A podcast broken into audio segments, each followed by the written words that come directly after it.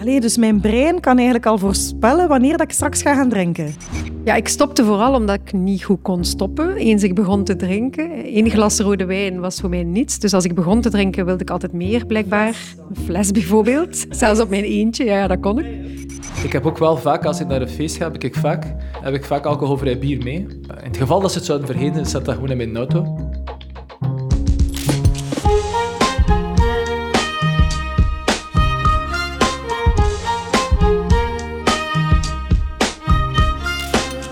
Maaike, wil jij nog een koffie of liever iets anders? Ik ga gewoon een beetje water drinken, Eva. Ja, ik misschien beter ook. Want Sander die heeft eigenlijk niet graag dat ik koffie met melk drink eh, voor de opnames. Want uh, blijkbaar moet hij dan al mijn smaksjes eruit knippen. Die melk, hè, dat maakt slijmpjes aan in je mond, Ah, blijkbaar. Mooi, hij is wel streng, toch? Mhm. Maar moet je dan wel drinken? Van Sander moet ik water drinken, of thee, of nog liefst warm water met zo wat citroensap erin. Dat doet die slijmpjes dan weg. Mhm. Maar ik vraag mij dan ineens wel af of dan een martini met citroen ook een goed idee zou zijn. Haha, Eva, mooi brugje naar het thema van deze aflevering. Yes, I know. En eigenlijk lust ik geen martini, dus het was puur voor het brugje dat ik het gezegd heb. Aha, ik lust wel martini, maar ik drink dat nooit meer. En daar gaan we het vandaag over hebben, over stoppen met alcohol. Een heel interessant onderwerp vind ik dat. En een heel moeilijk onderwerp vind ik dat. Oké, Maaike, je bent uiteraard iemand gaan interviewen die geen alcohol meer drinkt. Hè? Daar ga ik toch van uit. Maar eigenlijk had je ook jezelf kunnen interviewen deze keer, hè? Ja, dat klopt. Ik drink ook al eh, iets van zes maanden of zo geen alcohol meer. En ik deed dat eerder al drie jaar lang niet, dus ik heb er wel ervaring mee. Ja, ik vind dat wel strafs. Hè? Vertel er mij straks alles over. Niet omdat ik dat ook ambieer, hè, tussen haakjes, want ik wil met veel stoppen. Ik sta voor van alles open hier in de podcast. Maar stoppen met alcohol? Mm, Nee, nee, nee, nee, nee. Dus ik ga deze aflevering een beetje de advocaat van de duivel spelen, denk ik. Hè? Trouwens, eh, advocaat, dat vind ik echt lekker. Met zo'n lepelken en een vanille-ijs. En... Nee? Ja, ja, ja. Het is niet omdat ik het niet lekker vind dat ik het Ah. niet meer doe. Hè. Dat is trouwens ook zo bij Stijn. Dat is de man die ik deze week ging interviewen. Stijn is van de ene op de andere dag gestopt met drinken, maar daar had hij wel een serieuze reden voor.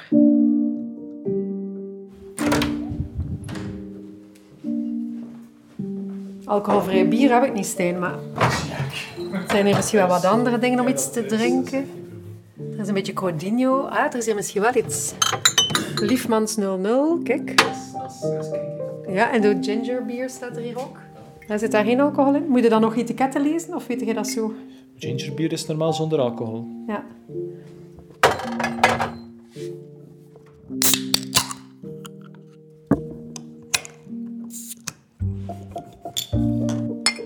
Santé. Santé. Ik ben daar eigenlijk gewoon radicaal mee gestopt, want dat is wel iets dat moet zeggen dat in mijn persoonlijkheid misschien zit. Het is toch wel doen of wel niet doen. Ik heb het even geprobeerd minder, maar dat gaat niet voor mij. Eh, Ik heb ook zo'n waarschijnlijk een soort natuurlijke aanleg om te overdrijven. Pas op, misschien even ook zeggen. Het is niet zo dat ik eh alcoholverslaafd was of zo. hè. Maar ik vind, als je gaat kijken... Ik heb mij laten vertellen dat als je tien consumpties alcohol drinkt zonder naar feestjes te gaan, dus gewoon tien consumpties per week, dat je eigenlijk al in de regionen van verslaving geraakt. En moet ik, ik denk, als, je dat, als ik dat zeg aan mensen en ze beginnen in hun hoofd, je ziet dat zo gebeuren, te rekenen, zijn er veel die daar eigenlijk onder vallen. Ik viel daar ook onder. Eh, je komt thuis en een, pintje of, of iets anders. eh en s'avonds nog een glas wijn, want ja, je moet jezelf een beetje compenseren, maar je gaat nog een beetje werken. En dus ja, een glaasje wijn, dat is oké. Maar als je dat uitrekent, kwam ik denk ik wel iedere week aan tien.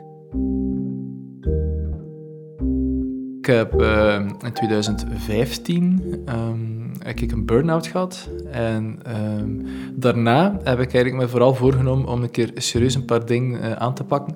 Onder andere mijn slaappatroon.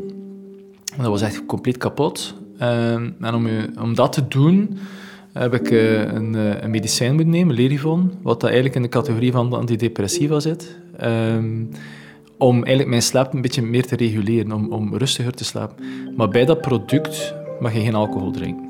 Ehm, en dat heb ik een maand of vijf, zes moeten nemen. En toen dat ik daarmee stopte, heb ik eigenlijk gedacht van... Ja, waarom zou ik het nu weer beginnen met alcohol drinken? Want ik heb dat eigenlijk niet gemist.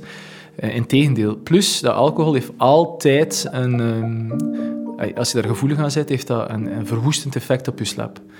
En, ehm, dus je slaapt wel goed in, maar je blijft niet doorslapen. Dat is het probleem. Oké, ik moet eerlijk toegeven, ik word ook midden in de nacht wakker als ik te veel alcohol gedronken heb. Dat is echt niet goed voor je nachtrust. Hè? Nee, en misschien moeten we daar starten. Hè, wat de rare effecten zijn die alcohol heeft op ons lichaam. Want wat ik weet uit eigen ervaring, maar ook uit literatuur, is dat we soms pas voelen welke negatieve effecten iets op je had als je ermee stopt. Ah ja, ja, ja. Is dat niet bij koffie, dat je dan kop in krijgt, een keer dat er maar gestopt bent, en dan pas doorhebt welk effect dat heeft gehad op u? Ja, precies. En soms lijkt het zelfs dat een product iets oplost, Ja? maar eigenlijk het ding zelf, product zelf, dat probleem veroorzaakt heeft in eerste instantie. Bij alcohol bijvoorbeeld lijkt het alsof je ervan ontspant en het je stress wegneemt, maar blijkbaar voelt dat zo omdat het eerst juist de interne spanning opdrijft. Echt? Ja, het idee, biologisch gezien, is dat je systeem altijd evenwicht wil. Ze noemen dat homeostase. Dus als je vaak drinkt, en onderzoek zegt dan minstens wekelijks, dan is je brein geneigd om de kunstmatige stimulatie die door alcohol veroorzaakt wordt, de stimulatie van je genotcentra, vooraf al te compenseren. Blijkbaar werkt dat zo als iets een gewoonte is. Dus als je bijvoorbeeld vaak drinkt als je uitgaat, zal je brein al bij het plannen van zo'n uitgaansavond, of bijvoorbeeld bij het zien van het café, je dopamine verlagen, omdat het weet dat de alcohol straks die dopamine verhoogt. Zot, hè? Ja, dus eigenlijk creëert dat al een dip voor de piek die straks komt. Allee, dus mijn brein kan eigenlijk al voorspellen wanneer dat ik straks ga gaan drinken. Ja, tuurlijk. Al wat je doet of denkt, heeft sporen in je hersenen. Hè? Zot, jong. Ehm, maar dus uw spanning vooraf wordt ook door alcohol veroorzaakt. Ja, ja, door het vooruitzicht ervan, of soms door het na-effect van de vorige keer drinken, want ook na die ontspanning wil je brein weer evenwicht brengen Ja. en creëert dat dus weer spanning. En dat maakt het dan nog moeilijker om niet te drinken, want je zit dus wel effectief met een dip. Mhm. En dat maakt dus ook dat je gelooft dat alcohol jou gelukkig maakt, want het lost die dip op, terwijl het eigenlijk drank is op zich die de dip heeft gecreëerd. Oh, dat doet mij zo denken aan de Gentse feesten. Dat ik eigenlijk die kater oplos door weer Opnieuw te te drinken, de avond daarna. Oh, Ah ja, maar zo ja. erg dat dat is dat ik dat hier toegeef. Oké, maar het is wel helder, Maaike. Maar ik vraag me af, hoe en waarom ben jij gestopt eigenlijk? Ja, ik stopte vooral omdat ik niet goed kon stoppen. Eens ik begon te drinken. Eén glas rode wijn was voor mij niets. Dus als ik begon te drinken, wilde ik altijd meer, blijkbaar. fles dan? Een fles bijvoorbeeld. Zelfs op mijn eentje, ja, ja, dat kon ik. Ah ja. En op zich was dat niet zo erg, want ik werd ook niet dronken of niet zo dronken. Ik functioneerde Oeh. meestal nog prima, dat is het ergste. Ik kan Ja. eigenlijk echt goed tegen drank, Mhm. wat dat een vloek is. Want ik wil mij niet laten beheersen door een product. Ik vind dat niet leuk als ik ergens al maar meer van wil, maar dat eigenlijk rationeel niet wil. Maar dat mijn remmen daarin Ja. weg zijn, dat vond ik geen fijne ervaring. En bovendien had die drank wel effecten die ik lang niet heb gezien. Hè. Ik sliep slechter, zoals jij daarnet al zei. Ja. Ik was vaker emotioneel, ik was meer moe. Ik werd ook vaker angstig, Mhm. een soort ongedefinieerde gevoel van, van onrust. En als ik dronken was, dus in de roes zelf, verloor ik mijn sociale remmen. Dat komt wel vaker voor. Maar daar werk ik een beetje brutaal van. Aha. Tegen andere mensen. Dus dat is niet dat ik dan ruzie had, maar ik zei wel dingen die ik anders niet op die manier zo... Oh, maar dat Zo zou ik zo graag een keer meegemaakt Ja, hebben. echt. En dan was ik de volgende dag ook vrij beschaamd. En Ja. ik wil nooit meer zo, mij de volgende dag zo, bescha zo Ja, schamen voor wat er gebeurd is. Dat, is echt niet leuk. Ja. En hoe ben je dan gestopt eigenlijk? Ja, wat mij vooral hielp om te stoppen, was er veel over lezen. Ja. Ik ben dat wel vaker, dat ik stop met iets door te lezen. Ja, ja, Boeken kunnen. Mhm. mij echt veranderen, blijkbaar. En het boek Control Alcohol van Annie Grace was voor mij echt een doorbraak. Daarin zag ik wat ik allemaal geloof over goede redenen om alcohol te drinken. Zoals bijvoorbeeld dat je niet kan amuseren zonder. En wat een onzin dat eigenlijk is. Als kind kon ik mij bijvoorbeeld heel goed amuseren en Mhm. Ah, ja. dronk ik nooit. Nee, dat is waar. Maar dat is het. Hè. Alcohol is echt ingebakken in onze cultuur. Hè. Van, met de paplepel krijgen we het bijna binnen van onze ouders. Hè. En ook ja, mijn ouders, mijn grootouders, die hebben allemaal veel gedronken en drinken nog altijd veel. En die leven lang en goed en gelukkig. Dus Maaike, waarom zouden wij het dan laten? Ja, dat, dat, zo lijkt het ook. Ook in films, in series, Ja. op televisie, bij programma's, overal, overal. En dat is interessant om naar te kijken hoe normaal het is en hoe aanwezig het is in onze maatschappij. Ja. Terwijl het eigenlijk een giftige stof is, waar we allemaal bij de eerste slokken niet tegen kunnen Nee, dat is leven. niet lekker de eerste keer. Nee, Hè? we vinden het niet lekker.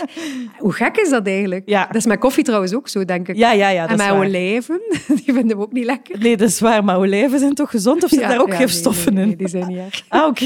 Maar misschien zijn er wel nog andere dingen toch zo, waarin dat we echt leren om, er, om ermee om te kunnen, terwijl we het eigenlijk niet kunnen. Ja, roken zal er ook wel zo een van die zijn, maar dat is nu nog niet meer zo ingeburgerd, vind ik toch Nee, al. dat is hè? veranderd. Hè? Maar wa- wat wel zo is, is bij hard werken. Hè? Onze druk, druk, druk maatschappij. We weten eigenlijk allemaal dat het niet goed is om veel te hard te werken. En toch doet merendeel van de mensen het wel nog altijd. Ja, dat zou best kunnen hetzelfde mechanisme zijn. Het lijkt er alleszins op als we daarin ook over onze grenzen gaan. hè. Als Ja. we eigenlijk moe zijn of zelfs een beetje ziek, maar toch doorgaan en naar ons werk gaan.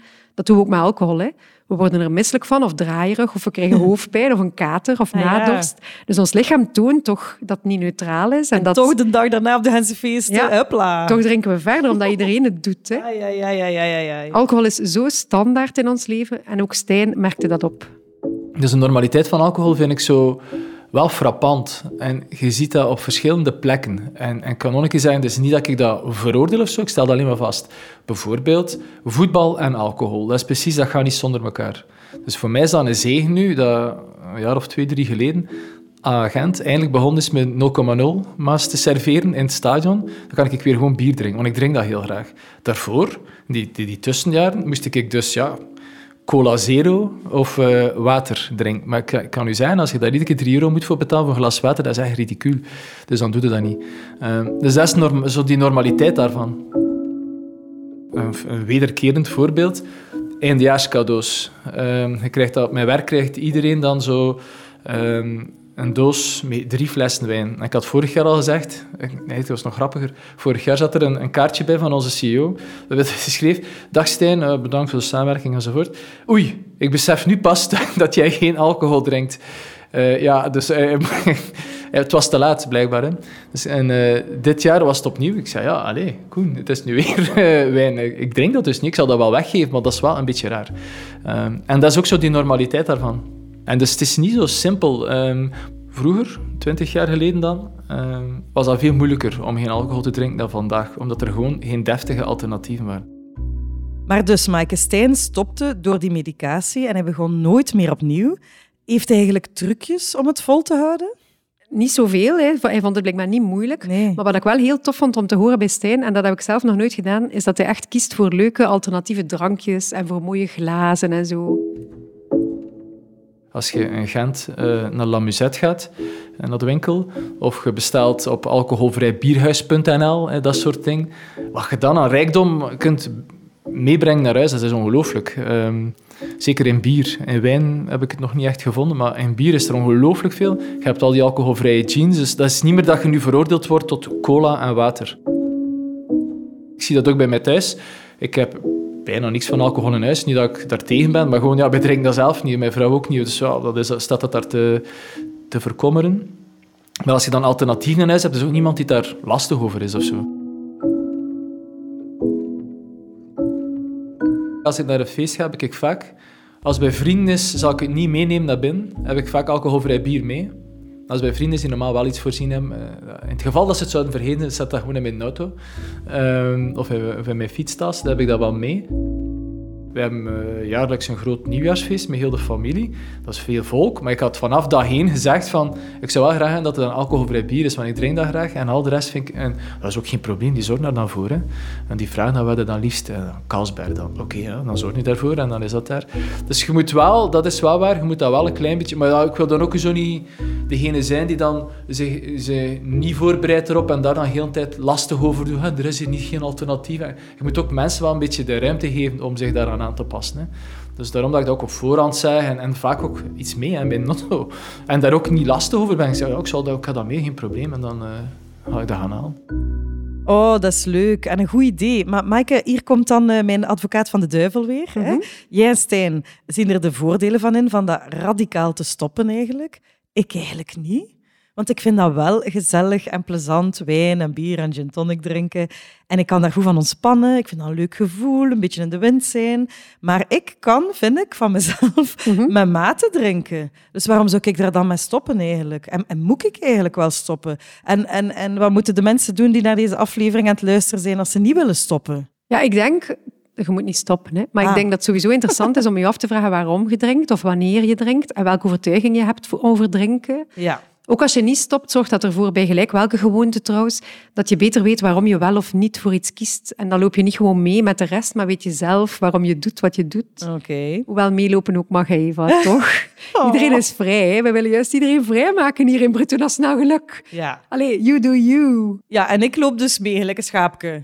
Maar ja, het idee is alleen maar dat je mocht kiezen. Hè? Dat is alles. Ja. En als je naar je overtuigingen kijkt, waarom dat je kiest voor iets of niet, of welke redenen dat jij hebt, en je beslist om daarbij te blijven, is dat toch prima eigenlijk. Daar Ja. gaat het om. Nee, dat is waar. We zullen straks ook nog iets zien waardoor dat je daarmee aan de slag kunt gaan. We hebben daar een super toffe freebie voor. We zullen daar nog op terugkomen. Ja. En we we gaan eerst nog een keer luisteren naar Stijn, want die is op zoek gegaan naar andere manieren om te ontspannen zonder alcohol te gebruiken. Ja.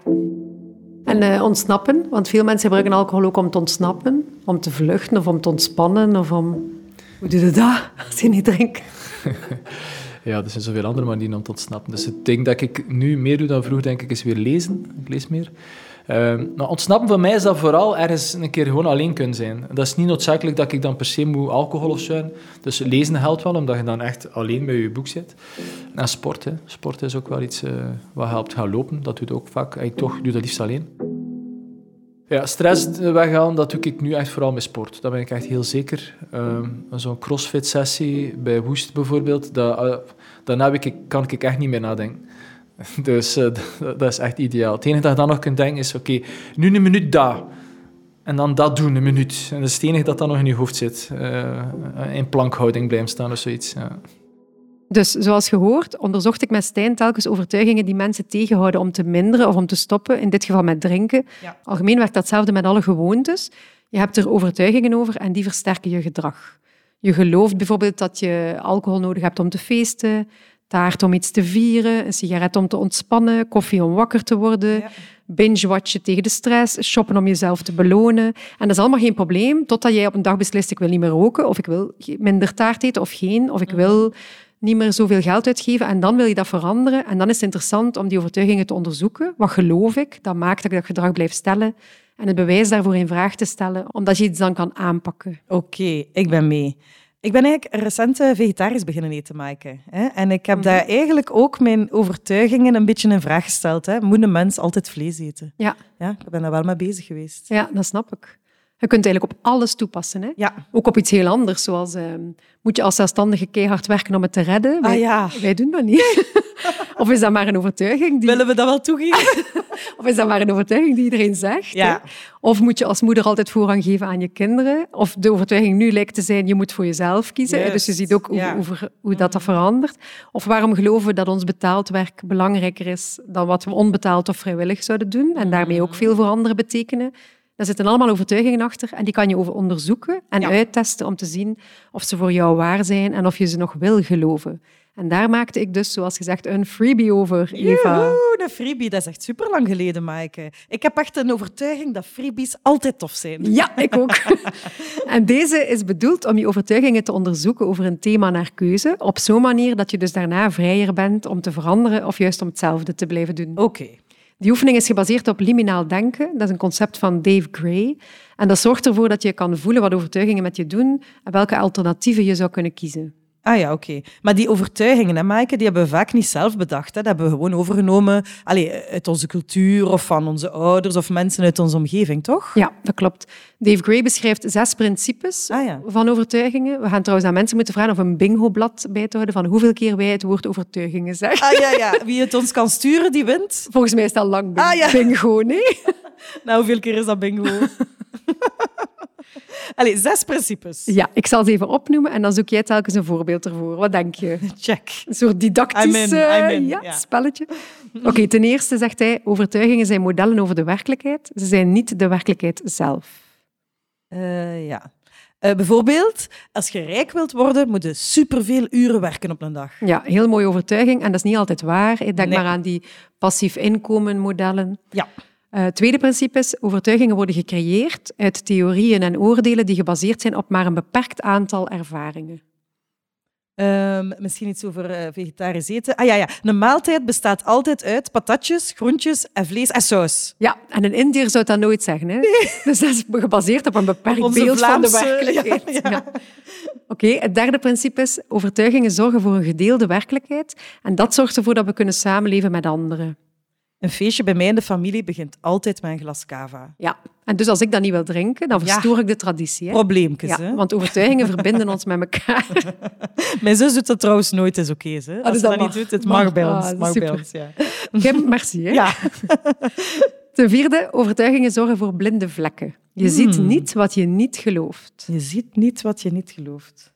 Ja, bijvoorbeeld, er is eigenlijk lang gedacht dat twee mannen of twee vrouwen niet samen een kind konden opvoeden. Ja, en we zien ondertussen dat dat absoluut Ah, wel ja. kan, net Ja. zo goed. Ja. Mhm.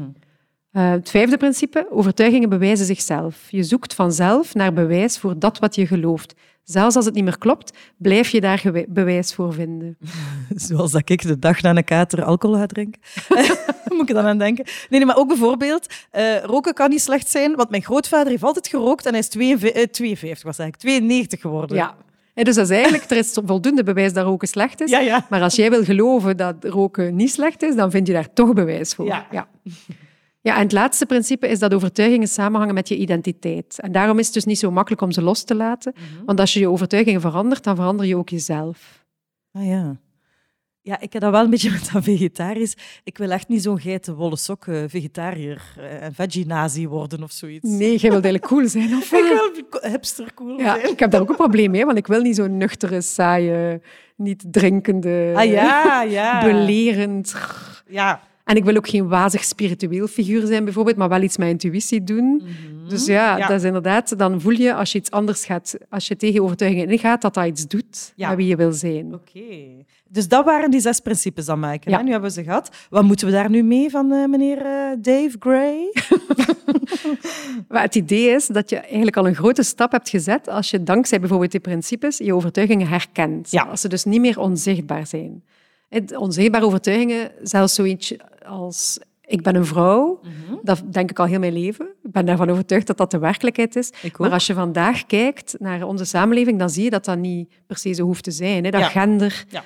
veel fluider wordt, dat mensen dat in vraag stellen. Dus dat zelfs overtuigingen waarvan wij denken die zijn de waarheid, dat dat zelfs dan niet zo is. Dat dat maar een overtuiging is. Mhm. En als je weet, dit is niet de waarheid, maar gewoon een overtuiging, dan kan je het ook veranderen. Dus het alleen al zien, het is mijn overtuiging, helpt. Helpt dan. Oké, Maaike, ik heb een overtuiging. Ik moet altijd vriendelijk zijn tegen iedereen en behulpzaam. Ja. Hè, dus ik zie die overtuiging en nu kan ik kiezen of dat ik het ga doen of niet. Ja. Altijd. Omdat je nu weet, het is niet de waarheid. Ja, Het is niet zo dat je dat altijd moet zijn. Dat is maar een overtuiging. oké, oké, Ja. oké. En dat opent mogelijkheden. Mhm. En dan kan je ook een nieuwe overtuiging uitproberen en kijken of je daar bewijs voor vindt. Bijvoorbeeld de overtuiging, eh, mijn nee is een cadeau. Ah ja, dat is een schone. En dat is ook soms waar. Dat is soms ook waar. Als jij nee zegt, kan dat ook een cadeau Oh, zijn ik voor ga de dat eerst een ander. piet op een postitje moeten schrijven. Ze. Voilà. Zeg, we doen dat niet altijd zelf. Hè. Soms doet de omgeving dat ook. Overtuigingen veranderen soms ook door de maatschappij. Hè. Wat Ja. ik daarnet al zei over gender. We zien dat overtuigingen veranderen in de maatschappij doorheen de tijd. Ja, dat, dat was met, met, met roken toch ook zo. Hè? Ehm, en dan vraag ik mij dan af of dat, dat met alcohol ook zo gaat gaan. Dat we binnen een paar jaar dat ook een beetje raar gaan vinden, zoals we het nu raar vinden dat we vroeger allemaal aan het roken waren op ons werk of op de trein of zoiets. hè. Ja, wie weet. Want je kan Ja. nu bijvoorbeeld ook al geen biertje meer drinken in de bedrijfskantine. Nee. Dat is al veranderd. Ja. Ja. Maar het is toch nog heel aanwezig, vind ik, alcohol. Ik kreeg bijvoorbeeld laatst een cava bij de kapper. Ah ja. En dat is vaak lastig om niet mee te doen. Vind je dat zelf lastig maken? Ja. Goh, ik heb wel een soort uitleg paraat om Mhm. een drankje te weigeren en dat helpt wel. Ik vertel meestal aan mensen, ik drink niet meer, want eens ik begin te drinken kon ik niet goed stoppen. En dat herkennen de meeste mensen wel. Ja. Dat is trouwens ondertussen niet meer waar. Ik stopte vijf jaar geleden wel, zeker om die reden. Maar toen ik na drie jaar zonder alcohol weer begon te drinken, bleek ik eigenlijk prima te kunnen doseren ondertussen. Dus die ja, ja, ja, periode stoppen heeft daarvoor wel geholpen. Alleen stopte ik dus nu in augustus toch weer, omdat ik het leven makkelijker vind zonder. Ik vind dat er Aha. ja, veel voordeel is aan niet drinken. Ik heb meer energie die ik kan gebruiken voor andere dingen dan herstellen van een nachtje drinken. Mensenfeest. Ja, ik ben fitter, ik ben contenter, ik ben leuker gezelschap. Ondertussen zijn mensen dat trouwens van mij wel gewoon, dat ik niet drink. Dus de meeste mensen reageren daar niet meer op als ik nee zeg of als ik iets anders vraag. Maar in het begin vond ik dat wel ingewikkeld. Bovendien, Eva, ik was ook geen alcoholieker of zo. Hè. Dus als ik stopte met drinken, dan voelden mensen zich soms een beetje aangevallen. Of dat leek toch zo, omdat een normaal mens, zeg maar, iemand die net als zij niet verslaafd was, en waarvan de meeste mensen denk ik niet vonden dat ik te veel dronk, Mhm. toch stopte. Dus dan leek het alsof je anderen een spiegel wil voorhouden. Oké, oké, ja. Er waren ook vrienden die het heel ongezellig vonden. Die zeiden, ik wil niet komen, want ik wil niet drinken bij iemand die nuchter blijft. Dat vind ik niet gezellig. Oei. Ja.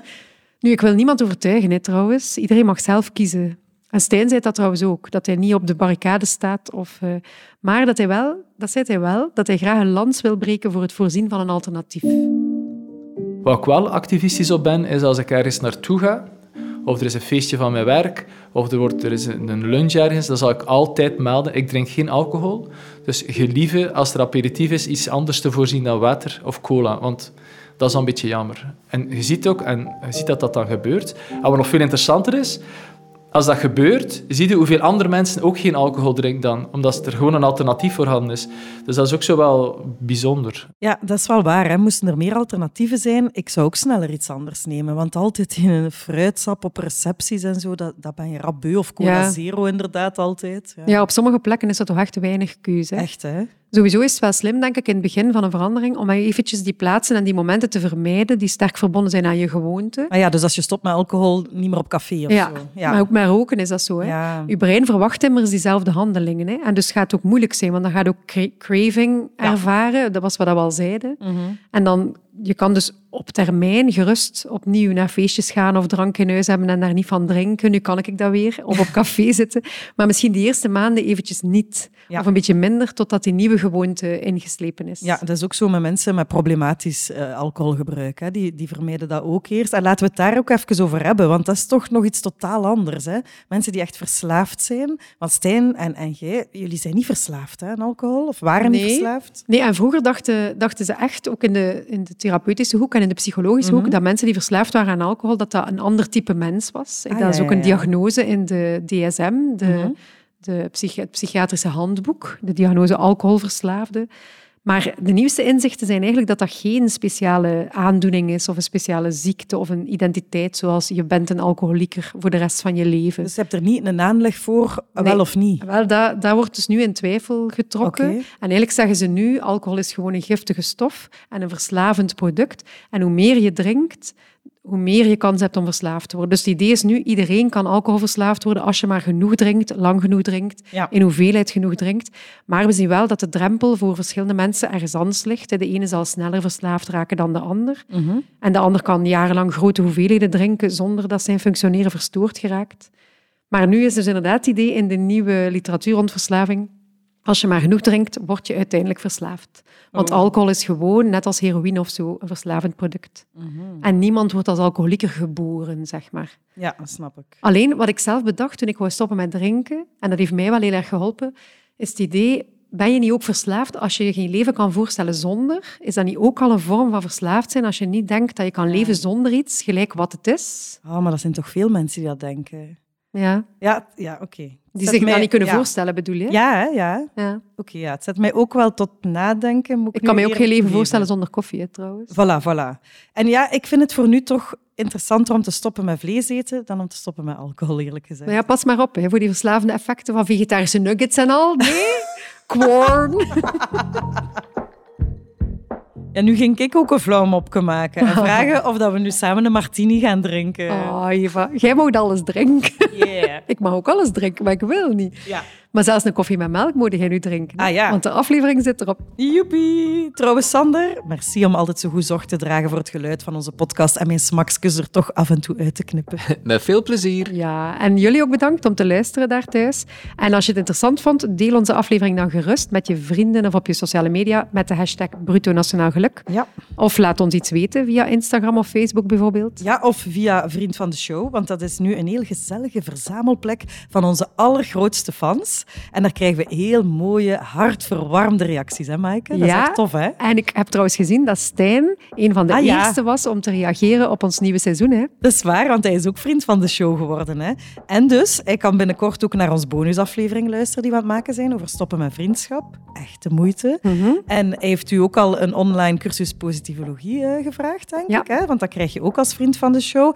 En op 9 maart kan hij ook komen naar onze live podcastopname in Gent in de Mokken. Dus wil je met Stijn een alcoholvrij biertje drinken Aha. of ons in levende lijven ontmoeten, word dan ook maar vlug vriend van onze show. En we weten dat wij met jullie bijdrage nog veel seizoenen van de podcast kunnen blijven maken. Alvast bedankt daarvoor en eh, tot de volgende aflevering. Dag!